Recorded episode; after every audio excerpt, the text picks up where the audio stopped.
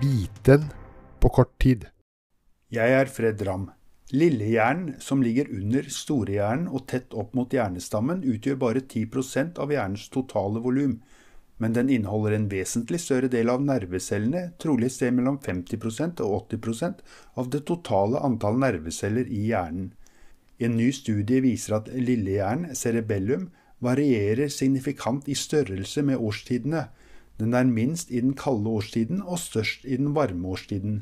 Ettersom undersøkelsene ble gjort i det nordøstlige USA, sammenfaller dette også med endringer i dagslys, uten at studien nevner dette spesielt. Lillehjernen har flere funksjoner. De helt sikre er at lillehjernen styrer vår balanse og våre bevegelser. Lillehjernen er også helt sentral for tale ved at den styrer de bevegelsene som er nødvendige for at vi skal kunne snakke og kommunisere. Men pågående forskning antyder at lillehjernen også spiller en rolle når det kommer til språkforståelse, prosessering av følelser, oppmerksomhet, opplevelse av belønning og fryktrespons.